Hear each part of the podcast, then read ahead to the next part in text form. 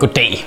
Vi danskere har et mildest talt ambivalent forhold til EU. På den ene side er vi store modstandere af den europæiske union, på den anden side så kan vi godt lide alle de fordele, det giver.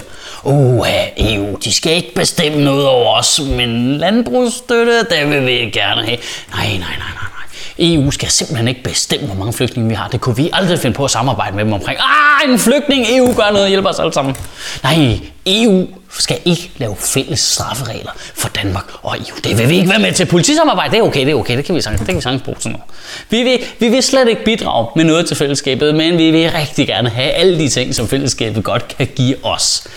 Og hvem symboliserer danskernes hykleriske forhold til EU mere i disse dage end Morten Messerschmidt? Endelig, endelig dummede han så. Oh, jeg glæder mig til det her. Åh, oh, mayday, mayday, Messerschmitten styrter. Mm. Okay, okay, okay, okay, okay. Hvor skal vi starte?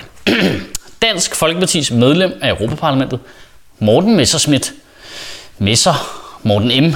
Mad Dog Schmidt er blevet bedt af EU-parlamentets præsidium om at betale 2,9 millioner kroner tilbage, som han har fået i EU-støtte via sin partialliancefond, der hedder MELD, til at føre EU-valgkamp for.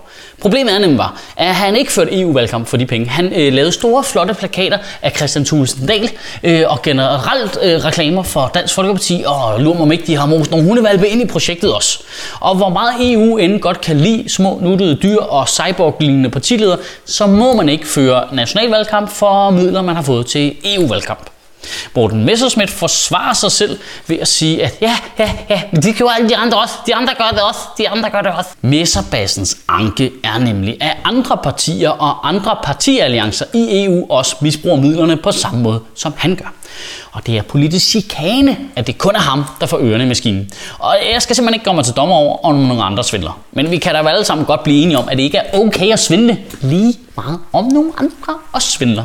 Det er så mærkeligt. Dansk Folkeparti er normalt det mest lov- og ordenagtige parti øh, i Folketinget overhovedet. Det hele handler om straf, straf, straf, straf, og folk skal ikke have en chance. De vil ikke godtage det argument i nogen andre scenarier. Det er jo ikke sådan, at de lige sidder nede i Folketingssalen og lige pludselig, ah, tilføjelse til straffelovens kapitel 28, paragraf 288, styk 3.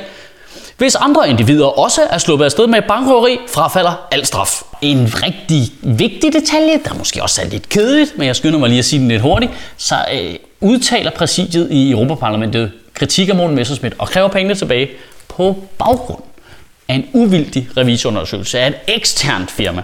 Og oven i købet har Morten Messersmiths gruppe i Europaparlamentet to medlemmer i det præsidium, der har udtalt kritikken, og de har valgt ikke at forsvare Morten Messersmith. Og hele sagen er startet at Dansk Folkepartis EU-parlamentariker Rikke Karlsson som startede sagen i efteråret. Hun har nu meldt sig ud af Dansk Folkeparti, fordi hun ikke kunne få opbakning til at kritisere Morten Messersmith. Hun meldte sig ud, fordi hun kritiserede de regnskaber, hun blev bedt om at skrive under på, men hun ikke kunne få lov til at se, fordi hun jo havde en fornemmelse af, at det var svindel. Og det var det. Og Rikke Carlson er ovenikøbet niæse til Søren Espersen. Men jeg elsker den her historie. Den bliver bare bedre og bedre. Det hele det er bare, folk er i familie, og folk de svindler papirer og falske underskrifter, og det kører bare derud. Det er ligesom House of Cards, bare med meget grimmere mennesker. Da Rikke Karlsson i efteråret meldte sig ud af Dansk Folkeparti og blev løsgænger i Europaparlamentet, gjorde hun det jo, fordi hun ikke kunne få indsigt i de her regnskaber. Hun kunne ikke få Dansk Folkepartis opbakning til et opgør med Morten Messerschmidt. Men dengang, der udtalte Morten Messerschmidt, at Rikke Karlsson bare er en forvirret lille pige, der er kommet fra Rebil til Bruxelles og ikke kan overskue, hvad der foregår omkring hende. Ah, Jamen, hun kunne godt overskue, at du svindlede, ikke, Morten Messerschmidt? Hold kæft, hvor det også nedledende sagt. Det er altså en 35-årig mand, der siger om en 51-årig kvindelig kollega, at hun er en forvirret lille pige. Det er så nedladende, at Donald Trump ærger sig over, at han ikke fandt på det. Offentlig at nedgøre en kvindelig kollega er øvrigt slet ikke det mest trumpske, Morten Messerschmidt har gjort i den her sammenhæng. Fordi da sagen kørte i efteråret, der valgte han at true alle, der hævdede, at han havde fubbet med EU-midler med en jurysager. Ah, Jamen, så hvis du på nogen måde udtalt, at Morten Messerschmidt han havde snydt med EU-midler, så ville du blive anklaget for en jury. Og det ved man, det ved man når folk de siger sådan noget, så er de helt rent vildt i posen. Og Donald Trump gør det jo hele tiden. Vi har fået vores helt egen lille Morten Messer Trump. Det er perfekt. Jeg glæder mig allerede til om fire måneder, når jeg kan begynde at håne Morten Messerschmidt for, at han har oprettet en USA mod lige præcis 0 fucking mennesker, mand. Åh oh, gud, hvor er det fedt, der egentlig er en personsag, vi kan tage fat i, i stedet for alle de her abstrakte taler om danskhed og udenrigspolitik. Det er fedt, det er bare Morten Messerschmidt er en idiot. Det er jo ikke første gang, at Morten Messerschmidt er blevet bedt om at betale midler tilbage til EU, som han har brugt forkert. I efteråret der blev han bedt om at betale 120.000 kroner tilbage, som han havde brugt på at lege en skonnert til et DF sommerarrangement, da de skulle præsentere deres politik. Jamen altså, det bliver bare ikke mere Dansk Folkeparti-agtigt end det for helvede. De har lejet et gammelt, forældet skib, der ikke kunne holde vand på åben hav. Altså, har de, har de slet ikke blik for symboler og metaforer i det parti? De, de kunne lige så godt bare sejle deres værdiprogram ind i et vikingeskib. Altså, det, det, det er perfekt. Men først, Først de 120.000 kroner, så nu 2,9 millioner kroner. Man får øh, lidt indtrykket af, at Morten Messerschmidt er i gang med at nedbryde EU meget langsomt indenfra ved at suge pengene ud af projektet. Altså, det er som om det, bare, det er sådan verdens kedeligste kubfilm. Altså, jeg har en plan. Skide godt, Morten. Godt. Først skal vi bruge en fond, 30 formularer, nogle bilag og uendelige mængder af tid. Hvis vi lige skræller alle øh, jokesene og tallene og alle teknikaliteterne af, så er der en ret interessant problemstilling nedenunder. Fordi Dansk Folkeparti er det mest EU-kritiske parti, vi har. Men samtidig så er det dem, der hiver flest penge ud af EU hele tiden. De er det eneste parti, der seriøst snakker om, at vi måske skal melde os ud af det europæiske fællesskab, men selv er de dybt afhængige af de penge, de får fra EU. 2,9 millioner kroner er altså mange penge for et dansk parti, og det er jo ikke bare dem, de skulle betale tilbage. Hvad med alle dem, de har fået, som de har brugt reelt?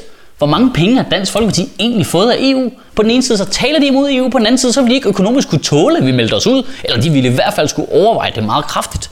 Den uigennemsigtighed, vi normalt kritiserer EU for, er jo nu en til en det samme scenarie i Dansk Folkeparti. Hvad mener de præcis om EU? Hvis de skulle stemme, om vi skulle ud af EU, hvad vil de så egentlig stemme?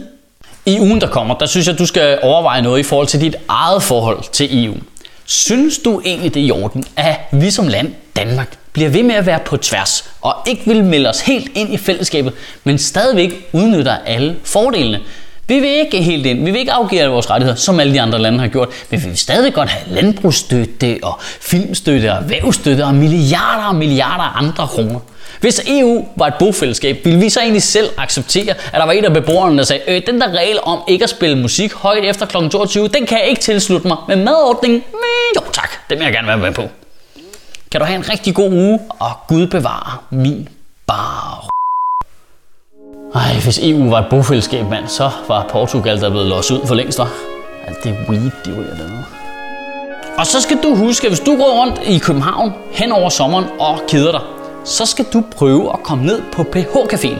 For der skal jeg lave noget rigtig hyggeligt, der hedder Stand Up Revyen, hvor vi prøver at kombinere stand-up og revy. Og det er mig, Omar Masuk, Sebastian Dorset og Flemming Jensen. Og så kan du komme ned i den hyggelige gårdhav, drikke en stor fadel, og så lige prøve at give vores totalt syder projekt en chance. Øh, det er fuldstændig underligt. Øh, vi går og prøver på det i øjeblikket. I dag der har jeg stået sammen med Sebastian Dorset og lavet en ekstremist hele dagen. Det er det, det, er det sjoveste, jeg nogensinde har lavet. Og jeg håber, det bliver lige så sjovt at kigge på. Men hvis du har lyst, så kan du finde dine billetter på phbooking.dk. Jeg håber, vi ses.